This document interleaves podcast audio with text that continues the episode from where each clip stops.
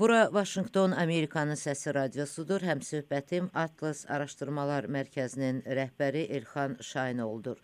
Bildiyiniz kimi Azərbaycan prezidenti MDB dövlətlərinin qeyri-rəsmi samitində iştirak edib. Bu samitin məqsədi nədən ibarətdir? Bu samitin elə böyük məqsədi olmayıb. Rusiya 2017-ci ildə müstəqil dövlətlər birliyinə sədrlik edib.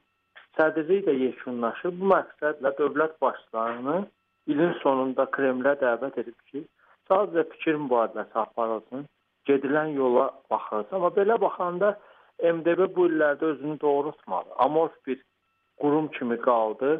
Məsəl üçün bu məkanda başqa qurumlar da var. Avrasiya İqtisadi Birliyi, onu da Rusiya yaradıb. Kollektiv Təhlükəsizlik Müqaviləsi Təşkilatı, onun da yaradıcısı Rusiyadır. Şanxay Əməkdaşlıq Təşkilatı və demək lazımdır ki, əslində müstəqil dövlətlər birliyi MDB bütün bu təşkilatlardan geri qalır. Doğrudur, SSR dağılanında belə bir qorxu var idi ki, MDB SSR-ni əvəz edə bilər, yenidən imperiya formalaşa bilər. Amma bunlar olmadı, baş vermədi. Çünki üzv dövlətlərin çox fərqli maraqları var idi. Təsəvvür edin ki, üzv dövlətlərdən biri o birinin torpaqlarını işğal edir. Ermənistan Azərbaycan torpaqlarını işğal edib, Rusiya, Gürcüstan və Ukrayna torpaqlarını işğal edib və bu səbəbdən artıq Gürcüstan və Ukrayna MDB toplantılarına qatılmırlar və Türkmənistan özü də prezidenti Moskvadakı toplantıya qatılmadı, neytral siyasət yürüdü. Azərbaycan ona görə qatılır ki, Azərbaycanın əslində böyük bir gözləntisi yoxdur. Sadəcə bir müstəvidir ki, fikir mübadiləsi aparması və salam. Bəs bu sammitdə hansı məsələlər müzakirəyə çıxarıldı? Ümumi məsələlər böyük ölçüdə müzakirə olunub. Dövlətlər arasında münasibətlərin indiki vəziyyəti, Rusiyanın Suriyada apardığı mübarizənin nəticələri, çünki Rusiya prezidentini böyük uğur kimi sayır ki, Suriyada terrorçular üzərində qələbə qələbə çalıb. Halbuki bu tək Rusiyanın qələbəsi deyil, burada başqa dövlətlərin də rolu oynayıb. Amma bu haqda da yəqin çağırdığı qonaqlara bu mövzu ətrafında fikirlərini bildirib iqtisadi əməkdaşlığın genişlənməsi yolları haqqında fikir mübadiləsi aparıb, amma heç bir sənəd də bu toplantıda imzalamayıb. Amma qurumun amorf olması həm də ondan xəbər verir ki, orada təsəvvür edin Ermənistan və Azərbaycan prezidentləri də var. Bizim aramızda heç bir iqtisadi münasibətlər yoxdur, siyasi təmaslar yoxdur. Niyə? Çünki Ermənistan Azərbaycanın torpaqlarını işğal edir. Bu iki dövlət arasında hansı siyasi və iqtisadi əməkdaşlıqdan söhbət gedə bilər ki. Azərbaycanla Ermənistan arasında vəziyyət gərgindir. Hər iki ölkəni də Rusiya silahlandırır. Sizcə belə bir mövqedə Rusiya Dağlıq Qarabağ münaqişəsinin nizamlanması yolunda nə kimi gələcək addımlar ata bilər? Təşəkkür edirəm. Bu sizin mənə ünvanladığınız bu sual Azərbaycanda illərdir müzakirə olunur. 2016-cı ilin aprelində savaş baş verdi, 4 gün çəkdi. Rusiyadan biz təzyiqlərlə üzləşdik. Amma bu savaşdan sonra Azərbaycan cəmiyyətində bir hissəsində belə bir gözlənti var idi ki, düzdür mən o gözləntiləri o zaman da bölüşmürdüm. Yəni böyük dövlətlər əsasən də Rusiya Ermənistan hakimiyyətinə təsir edib Qarabağ münaqişəsinin əlini sürətləndirəcək. Çünki faktiki Ermənistan Rusiyanın quberniyasıdır, forpostudur. Yəni Rusiya nə desə, əslində Ermənistan o da edə bilər. Amma olmadı görüşlər nəticə vermədi 2016-da. 2017-ci ildə də il başlayan kimi Rusiya Xarici İşlər naziri Sergey Lavrovun bir açıqlaması oldu. Dedi ki, Qarabağ Azərbaycanın daxili işi deyil. Bu əslində Azərbaycan hakimiyyətinə, Azərbaycan cəmiyyətinə mesaj edir ki, biz siz bu məsələni həll edə bilməzsiniz.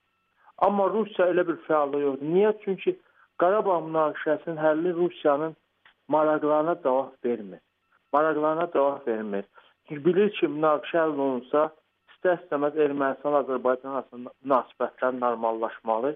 Ermənistan həm Azərbaycan, həm də Türkiyə ilə sərhədləri açılıb, diplomatik münasibətlər qurulmalı və bir gün Ermənistanda sual gündəmə gələ bilər ki, Rusiyanın hərbi bazaları nə üçün, kimə qarşıdır və faktiki Rusiya öz tək forpostunu da itirə bilər. Amma belə də Qarabağ münaqişəsi varkən Rusiya həm Azərbaycana təsir edə bilir, həm də Ermənistanı nəzarət altında saxlaya bilir. İki gün öncə Bakıda bir beynəlxalq simpozium keçirildi. Orada məşhur Rusiyalı jurnalist Rusiya kanallarında tez-tez çıxış edən Maksim Şevçenko da var idi. O belə bir fikir söylədi ki, indi Rusiya, Türkiyə, İran işbirliyi Suriyada uğur qazanıb. Bu işbirliyi Qarabağa da müsbət təsir ola bilər. Gözləmək lazımdır. Mən də replika atdım ona ki, yəni biz onsuz da 25 ildir gözləyirik. Sülh danışıqları nəticə vermir. Rusiya bizə ə, ə, güc yolu ilə Ermənistan üzərində qələbə çalmağa imkan vermir. Ya bu halda əlbəttə ki, Rusiyanın ə, konstruktiv rolundan danışmaq çətindir. Və belə bir sual ünvanlandım ki, ona. Yəni Ermənistan Rusiyanın forpostu olduğu halda və siz deyirsiniz ki, Azərbaycanla da Rusiya yaxşı münasibətlərə malik. Nədən dedim? Kreml bir telefon zəngi ilə İrəvana zəng edib bu məsələni yoluna qoymur.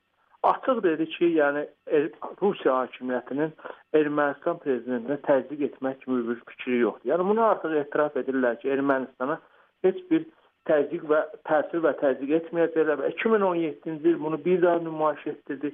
Qarabağ münaqişəsinin həlli baxımından itirilmiş ildir.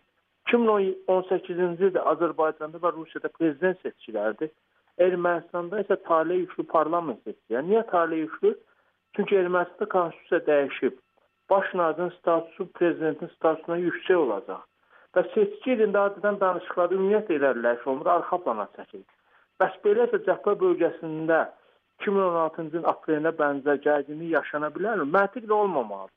Amma 2016-cı ildə də biz düşünürük ki, məntiqlə döyüşlər olmaz, çünki Azərbaycan yayda Formula 1 yarışlarına ev sahibliyi edirdi, başqa yarışlar böyük mötəbət tədbirlər var. Amma gördük ki, oldu, savaş oldu 4 gün çəkdi. Ona görə danışıqlarda irəliləyiş olmasa da 2018-ci ildə lokal toqquşmaların baş verməsini mən istisna etmirəm. Rusiya ümumiyyətlə regionda ə, təhlükəsizliyin ə, təminatı necə deyirlər, arxasında dayanır.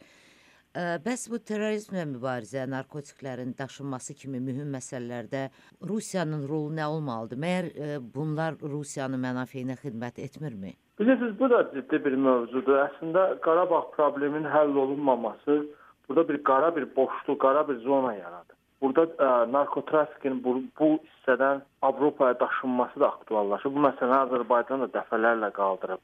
Çünki nəzarətsiz bir bölgədir. Burada silahlar da yerləşdirilə bilər. İran İran üzərindən ki, biz o sərhəddə nəzarət edə bilmirik, torpaqlar işğal altında olduğundan biz də bilirik ki, ən çox narkotrafik Əfqanistan və İran üzərindən Avropaya daşınır. Və İran Qarabağ sərhəddi ki, biz nəzarət edə bilmirik. Oradan narkotrafikin daşınması realdır əslində. Və Ermənistan hakimiyyəti buna göz yumur. Niyə? Çünki Qarabağ onsa pul çatdıra bilmir, maliyyə çatdıra bilmir. Göz yumur ki, heç olmasa narkotrafikdən bu separatçılar nəsə qazana, qazana bilsinlər. Rusiya da buna çox təəssüf ki, göz yumur. Rusiya məsəl üçün rəsmi səviyyədə irad bildirəndə biz siyasi ekspertlər Rusiyalı həmkarlara bu məsələni çatdıranda onlar deyirlər ki, biz Ermənistana cavabdehik Qarabağa güya ə, cavabdeh deyilik. Halbuki yenə də əgər Qarabağ Ermənistanın nəzarəti altındadırsa, Ermənistan da Rusiyanın nəzarəti altındadır. Ona görə bu prosesdə narkotrafik məsələsinə də Rusiya ciddi yanaşmır. Halbuki Əfqanistana gələndə Amerika ona görə tənqid edir ki, Rusiya yəni ə, Amerika güya ora, ora işğal etdi, amma orada qayda qanun yarada bilmədi, narkotrafik daha da artdı.